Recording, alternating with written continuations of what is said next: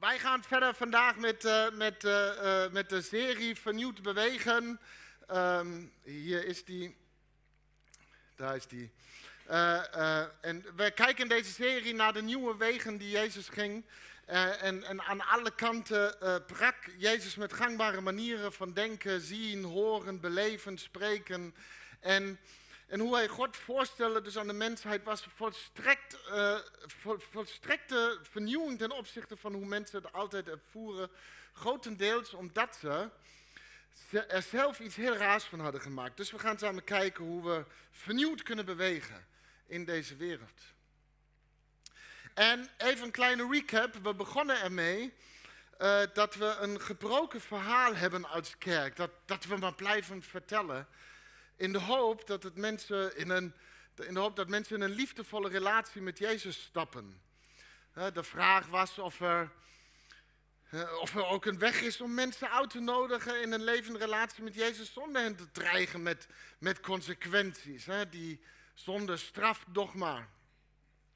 Het ging over dat, dat Jezus vooral geïnteresseerd is in, in het veranderen van de inhoud in plaats van, uh, van alleen de verpakking. Eh, vervolgens hebben we gesproken over wat zonde dan eigenlijk is. En het ging over hoe wij geschapen zijn in Gods evenbeeld met een, uh, met een goddelijk vermogen voor relatie. En, en, en terwijl we dit vermogen hebben gekregen, is zonde dan dat we ook een leven kunnen leven dat niet vanuit dit vermogen beweegt. Uh, dat is zo zonde, dat is een verspilling van dat vermogen. Dus Jezus kwam om dit vermogen voor relatie uh, hoe wij zijn gemaakt, te herstellen, te, genezen. Uh, hij stierf van een kruis omdat een gebroken wereldorde van daad, consequentie en zonder straf hem dat bracht. En Jezus rekende af met het hele zonder straf idee en systeem. En hij stond op uit de dood van dit oude verhaal, zodat het vermogen voor relatie herstel kan vinden in een nieuw leven, nieuwe schepping. Petrus schrijft, door zijn wonden zijn wij genezen. Dus de weg, de waarheid en het leven dat Jezus is, is meer dan, dan oude manieren vervangen door andere manieren. Het is een volledige, een volledig veranderen en leren leven vanuit de nieuwe schepping die we zijn. Het is wat, wat Paulus schrijft in Romeinen 12, vers 2. U moet uzelf niet aanpassen aan deze wereld, andere maniertjes. Maar u veranderen door uw gezindheid te vernieuwen. Je houding, je instelling, je hartsgesteldheid, je inzicht, je overtuigingen, je denken, de inhoud. Om zo te ontdekken wat God wil. En wat goed is en volmaakt en hem wel, welgevallig. Om te ontdekken wat God wil. Dus mijn hele binnenwereld op zijn kop om de wil van God te ontdekken. Dat, dat is nogal wat. Dus ik dacht, laten we het daar dan maar over hebben vandaag. De wil van God. En ook hier gaat misschien voor de een of ander, een of ander theologische gouden kalf, koper naar huis.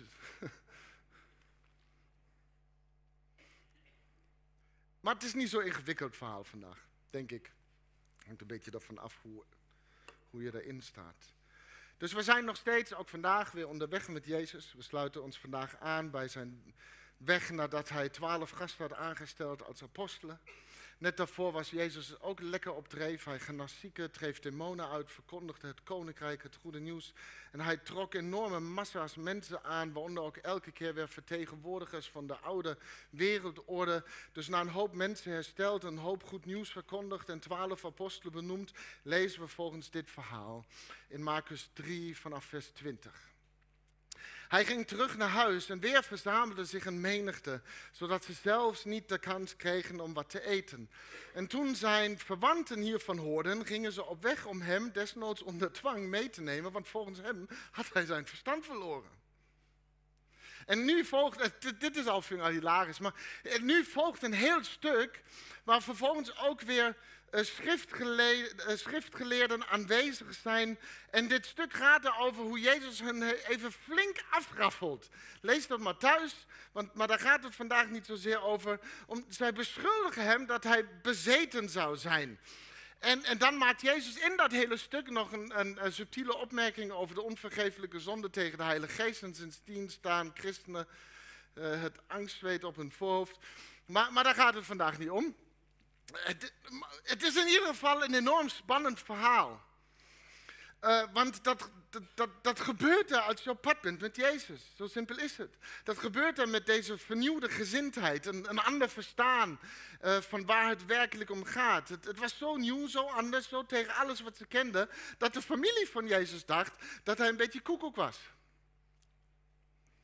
Ze kwamen hem halen denkende, die arme Jezus, hij is een beetje koekoek, laten we hem snel ophalen, anders gaat hij nog iets heel geks doen. En ja hoor, hij ging even flink de schriftgeleerden uitschelden en niet te zuinig ook. Maar hier gaat het nu om, om dat volgende stukje.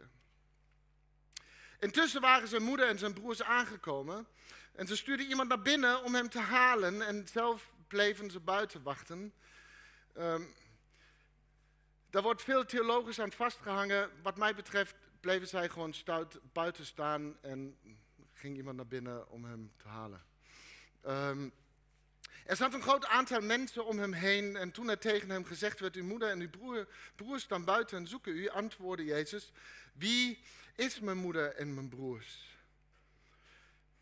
Hij bevestigt alleen maar dat hij helemaal, niet helemaal lekker is. Uh, hij keek de mensen aan die in een kring om hen heen zaten en zei, jullie zijn mijn moeder en mijn broers. Want iedereen, daar is het weer, die de wil van God doet. Die is mijn broer en mijn zus en mijn moeder. Iedereen die de wil van, van God doet, is mijn familie. En velen zijn nu krampachtig, continu krampachtig op zoek naar wat de wil van God is om, om niet verkeerd te doen, zodat we erbij horen.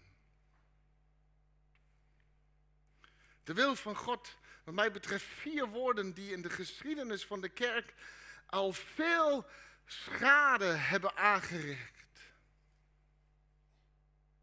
Eh, doe dit of dat, want het is de wil van God. Laten we dit land binnenvallen, want het is de wil van God. Laten we deze mensen vervolgen en vermoorden, want het is de wil van God. Wie heeft er zin in een kruistocht? Uh, want het is de wil van God. Inquisitie, iemand? Uh, geweldig idee. De wil van God. Ja hoor, de wil van God.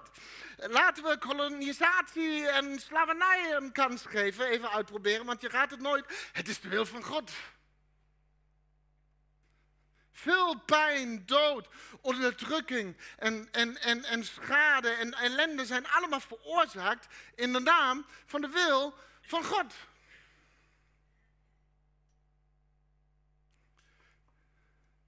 En elke keer weer krijg ik de kriebels als, oh, als mensen, ah, ik, ik, een woord van de Heer voor jou. En, volgens mij is dit de wil voor jou. Laatst was ik ook weer op een conferentie en dan kwam een meid naar me toe en zegt, ik weet niet wie jij bent. Ik denk in mijn hoofd, misschien moeten we daarmee beginnen. Maar ja, maar ik heb, ik heb hier een bijbelvers voor je over dopen en je moet je laten dopen. Maar wie ben je eigenlijk? Ik zeg, nou, ik ben dominee. Mijn naam is Dennis. Ben je gedoopt? Mhm. En wat doe jij dan hier? Nou, ik ben hier een beetje de voorzitter van dit alles. Oh, sorry. maar goed, op de een of andere manier worstelen we nog steeds met dit hele ding. We bidden, we bidden dan heel mooi altijd, u wil geschieden. Maar wat is dat dan? Dat is de grote vraag, toch? Wat is de wil voor God voor mijn leven? Wat is de wil van God in, in deze situatie en, in deze keuze? Wat wil hij nou?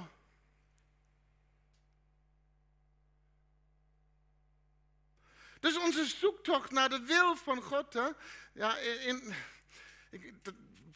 Weet je waar dat veel mee te maken heeft? Ik weet, in ons, het heeft namelijk veel te maken met dit. We ergens geloven dat er een, een, een groot masterplan is. Van God voor alles. God heeft een plan. Alles is voorgeprogrammeerd. En dan proberen we te ontdekken of we volgens dat plan leven. Is deze baan wat God wil voor mij op dit moment volgens zijn plan? Is, is, is dit de partner die God wil voor mij volgens zijn plan? Is deze kerk waar God wil dat ik naartoe ga? En er zijn mensen die zitten voor drie deuren, twee zijn dicht, één zijn open. En dan gaan ze voor die deur op hun knieën en bidden, Heer, is deze deur uw wil? En God, ik denk, zie God dan altijd...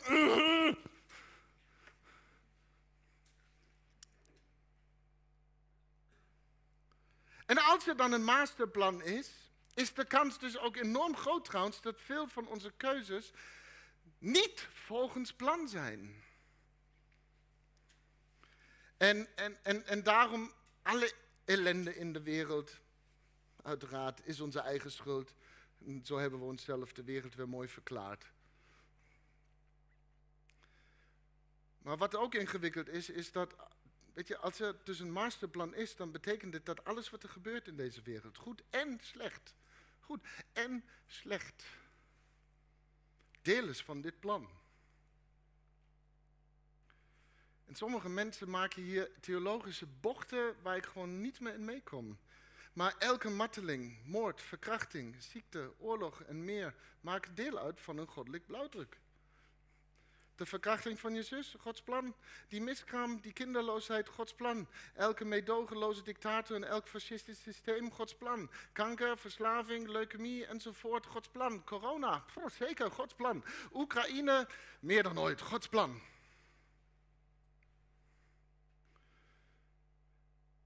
En met de woorden van de theoloog Tom Oort, ik geloof er niks van. Ik kan niet geloven dat een liefhebbende God zo'n plan zou ontwerpen. Als dat is wat Gods liefde namelijk betekent, dan wil ik niets met die God te maken hebben. En we hebben niet zoveel, ik ga dat vandaag ook niet doen, andere keer. Hoe zit dat dan? Wat houdt God in de gaten? Controleert hij of niet? Pladipla. Waar het mij om gaat is, ik geloof niet in zo'n masterplan. En ik wil echt geloven dat de meesten hier dit ook niet geloven.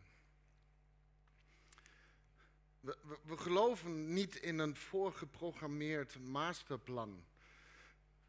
Tegelijkertijd gaan we ook wel weer heel selectief om met dit niet geloven. voor het grootste gedeelte gaan we door het leven, maken ons vrij weinig zorgen of wat we doen en kiezen ook Gods wil is. Want zolang het goed gaat, moet het dus ook Gods wil zijn. God wil toch altijd dat ik het goed heb. En zolang ik zegen ervaar in het leven, is het ook Gods wil. We denken eigenlijk niet veel over na. Hebben er nooit vragen over. Geloven ook niet in een masterplan. Waarom ook? Het gaat goed. Wil God zo.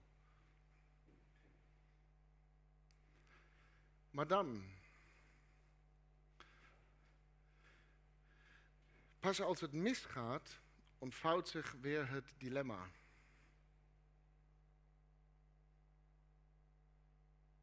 Dan is er opeens weer de vraag: waarom zou God zoiets willen laten gebeuren?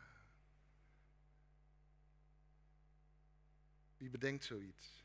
Waarom plant God zoiets? Nu weet ik het weer. Oh, wacht even, ik bid toch altijd, u wil geschieden. Is, is dit dan echt wat hij wil? En dan gaat het opeens over Gods bedoelingen mee. Dat is dan de volgende vraag. Opeens proberen we het dus weer in een plan te proppen.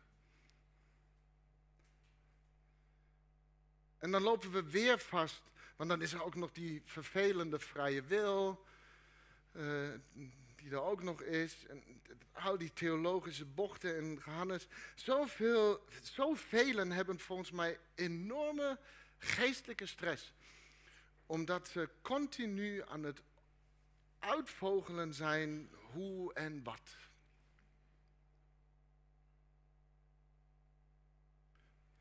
En, en wat we dus nu al kunnen concluderen, is dat hoe wij omgaan met Gods wil in ons leven, dus op een bepaald niveau ook weer een gebroken verhaal is. Want het komt ergens weer voort uit dit daad-consequentie-ding. Waar we geloven dat, dat we de zegen kunnen controleren door, door onze daden. We kunnen de zegen controleren in ons leven door onze daden, die dan wel in zijn wil moeten passen. En wat we dan precies moeten doen, zullen we helaas moeten afleiden van blijkbaar een super geheim plan dat God heeft en maar niet inzichtelijker wil maken.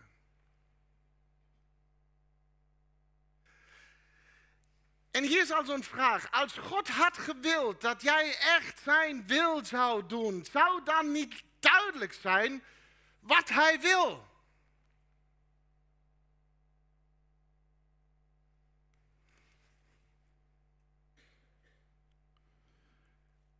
En dat is hartstikke duidelijk, maar gaan we zo even over hebben.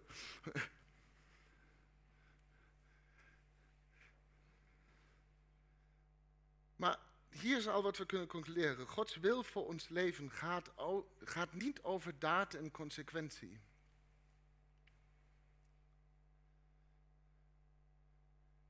En de afgelopen keer hebben we het er al over gehad, twee weken geleden, of drie of twee, ik weet het niet. Uh, en even een kleine reminder. Alles is relationeel. Alles is relationeel. Alles is relationeel. Alles is relationeel. Alles is relationeel. Ik zeg een paar keer kijken welke zin beter landt bij jou. Alles is gewoon relationeel. Weet je wat? Laatst kwam ik achter dat alles is relationeel. En toen ben ik nog een keer gaan kijken en dacht van, nou nee, het is nog steeds reactioneel. Relationeel, sorry. Niet reactioneel, dat is een verkeerd woord, maar het past heel goed. Alles is relationeel, niet reactief. Niet kausaal. Dat vanwege een bepaalde input, hè, daad consequentie, iets wat ik erin stop, ik er dan iets uitkrijg. Want dat is een mechanisch universum, een automaat.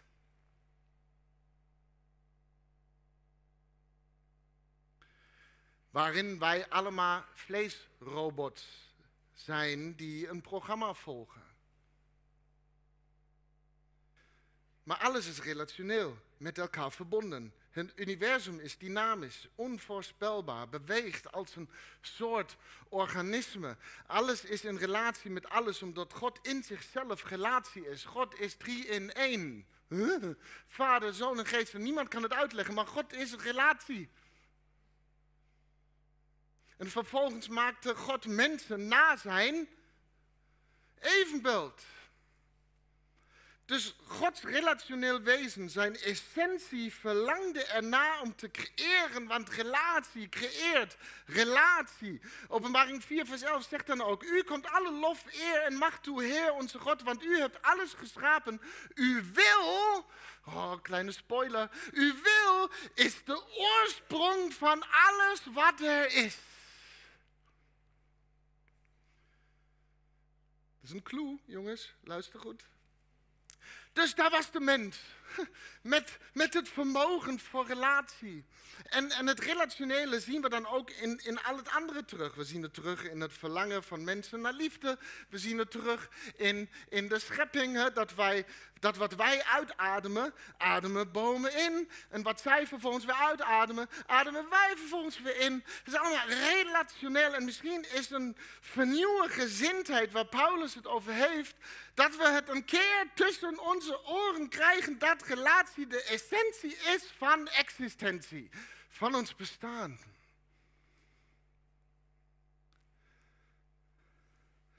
En ik begrijp het echt.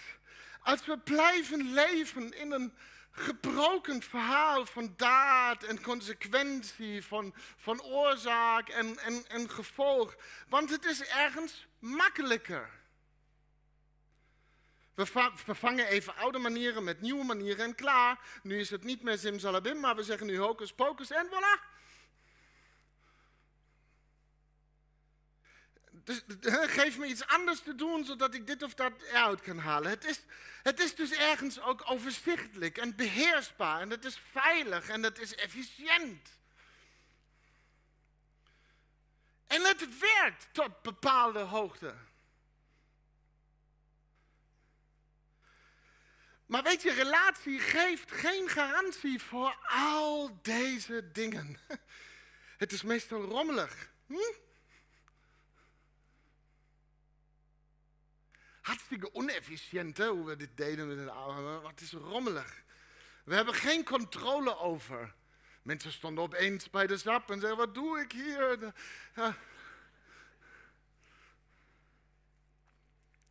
Want liefde is niet beheersend. Lees maar 1 Korinthe 13, wat liefde allemaal zo niet kan. Het is, en, het is dus zeker kwetsbaar. En het kost enorm veel tijd en energie, maar dat is wat het dus is. Dynamisch.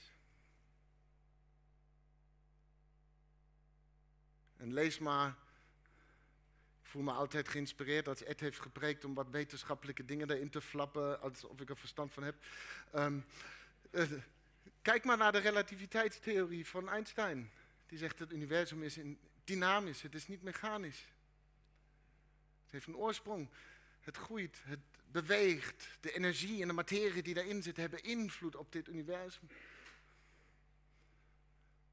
Want het is heel relationeel.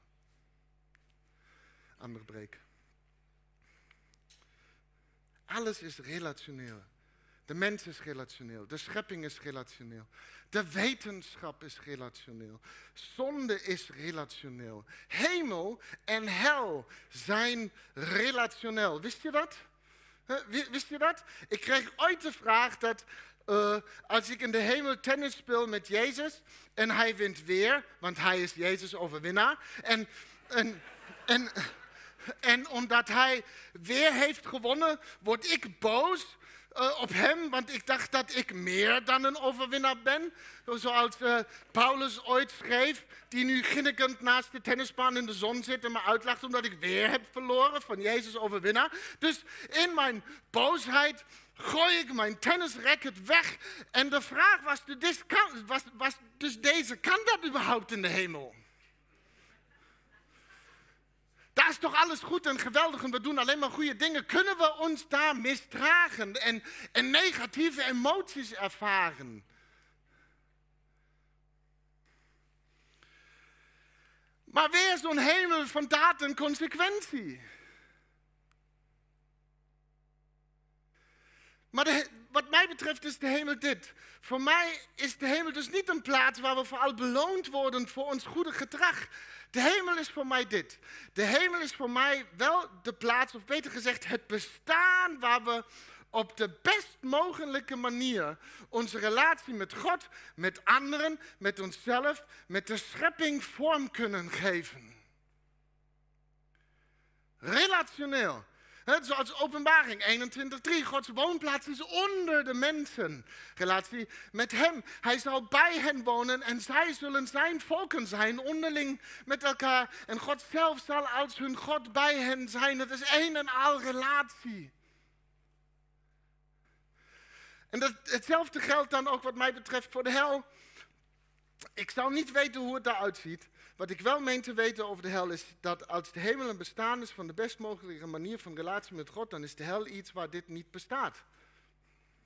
Dat is alles wat ik weet. Dus snappen we het een beetje? Ja, ik, ik, wil hemel en hel dus zien in lijn van de relationele aard, het relationele wezen van God. En als ik dan kijk naar mijn relatie met Jezus, wie Hij is voor mij, wat Hij voor mij betekent, hoe ik Hem mag volgen in mijn leven, hoe ik Hem mag zijn samen met, met jullie, hoe wij samen optrekken in het Koninkrijk van God. Als ik dus kijk naar mijn relatie met Hem en me dan moet voorstellen dat deze niet zou kunnen bestaan, dat lijkt mij de hel. Dus de hemel, een bestaan waar ik mijn relatie met God, met anderen, met mezelf, met de schepping op de best mogelijke manier vorm kan geven. En dan bidden wij, u wil geschieden op de aarde zoals daar.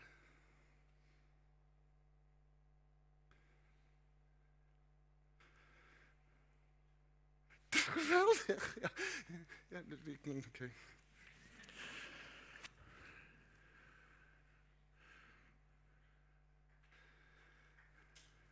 Wat is de wil van God?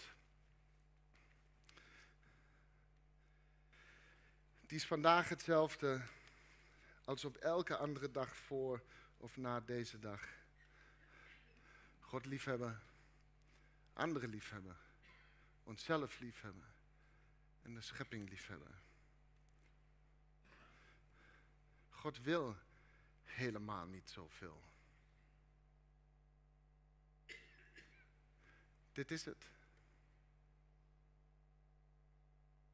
God liefhebben, elkaar liefhebben, onszelf liefhebben, de schepping liefhebben.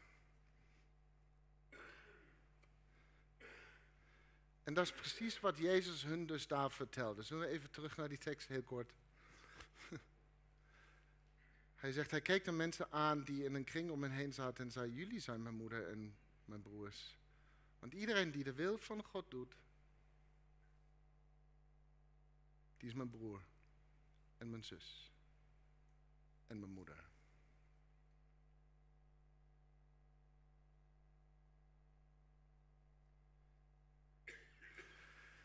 Je raadt het nooit, maar de wil van God is relationeel.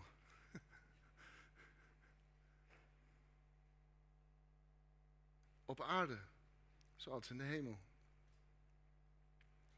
Jezus maakt het in dit moment duidelijk daar. Er, is aarde, een beeld voor het tijdelijke. Er is hemel, een beeld voor het eeuwige. En er is de aardse familie en er is deze eeuwige familie er is nu veel meer dan het aardse. Niet alleen deze tijdelijke bloedband waar we met daad proberen zeg maar, die paar jaartjes die we hebben in de eeuwigheid een beetje recht te breien. En vervolgens uh, proberen we in, in zo'n leven zeg maar, alles voor elkaar te timmeren. Dat we dan in dit stukje van ons leven, wat we dan pensioen noemen en steeds korter wordt, het nog even goed hebben. En helemaal niet met een of ander eeuwigheidsbesef. Maar zoals de hemel op aarde. Verbonden met alles en iedereen. Dus op aarde zoals in de hemel. Gods wil is mijn relatie met God, dus Hem liefhebben, met anderen, dus elkaar liefhebben, met mezelf, dus voor mezelf houden, mijn relatie met de schepping op de best mogelijke manier voorgeven, vormgeven. Hier, zoals straks daar. God wil eigenlijk helemaal niet zoveel.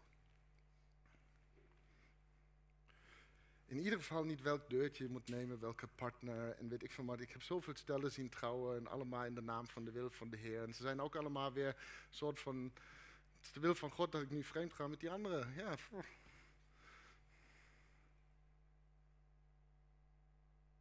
God wil eigenlijk helemaal. Maar dat wat God wil, dat wat Gods wil wel is, is een uitnodiging om de hemel op aarde uit te laten preken te leven vanuit het bovennatuurlijke en dynamische vermogen voor relatie. De hemel. Terwijl iedereen in een mechanisch en gebroken verhaal vastzit van daad en consequentie op aarde.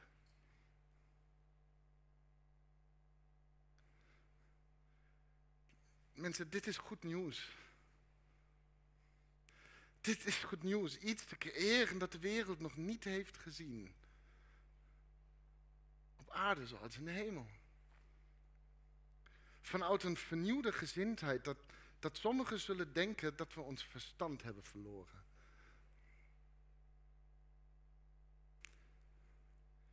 Maar hier is ons dilemma.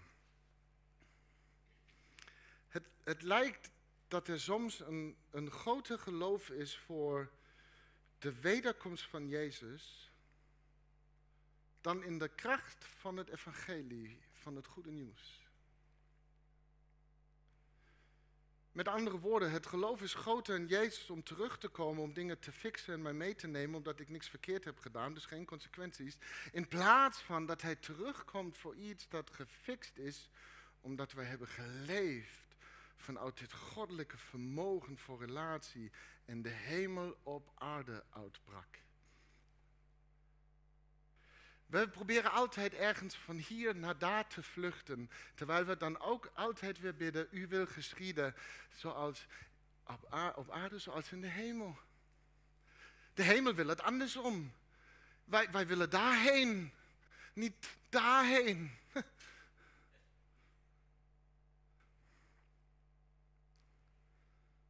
Wat als we door te investeren, dus in de relatie met God, anderen, jezelf en schepping, de hemel op aarde brengen? U wil geschieden op aarde zoals in de hemel. Dus Romeinen 12, vers 2 nog een keer hebben we gelezen. U moet uzelf niet aanpassen aan deze wereld, maar u veranderen door uw gezindheid te vernieuwen. Dus je hartsgesteldheid, je inzichten, je overtuiging, je denken, de inhoud. Niet alleen nieuwe manieren, niet alleen simsalabim. Om zo, schrijft Paulus, om zo te ontdekken wat God wil en wat goed, volmaakt en hem welgevallig is om zo te ontdekken. Dus niet alleen dat, dat, moet goed luisteren. De Duitse speelt weer met jullie taal. Dus niet alleen dat jij het snapt, dat jij het ontdekt, maar dat jij het ontdekt. Snap je? Ja, dat, dat jij het uncovert in het Engels, eh, dat jij het,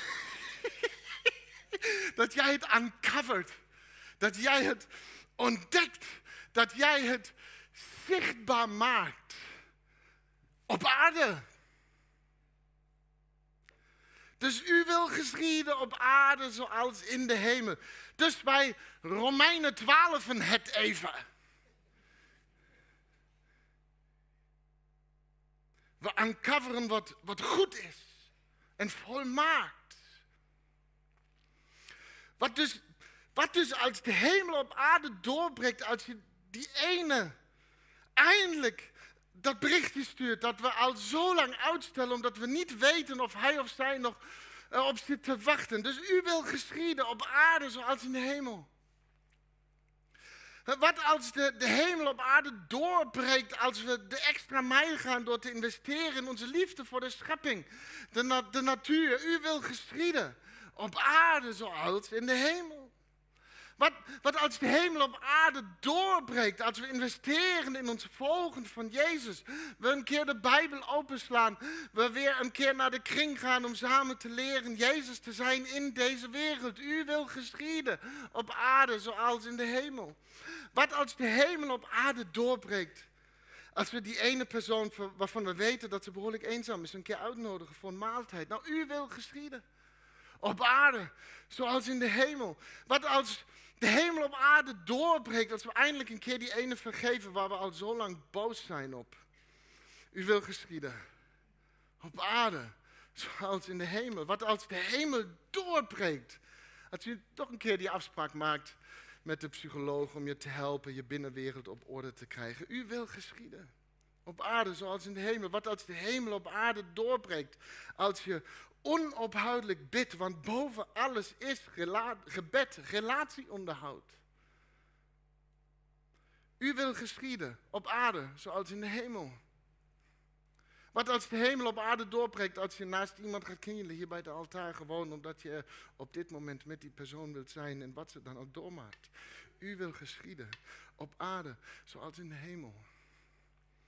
Wat als de hemel doorbreekt, dat ik mij zo boven natuurlijk verbonden voel met jou en met jou en met jou en met, met jullie allemaal, dat wij op zo'n manier samen Jezus zijn in deze wereld, dat mensen weer in massa's de liefde en het licht van Jezus zien schitteren in deze wereld. U wil geschieden op aarde zoals in de hemel.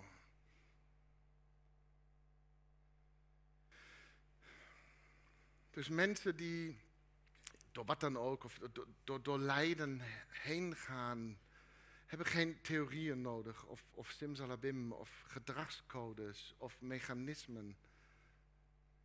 Maar simpelweg andere mensen en boven alles een God waar ze zich aan kunnen verbinden.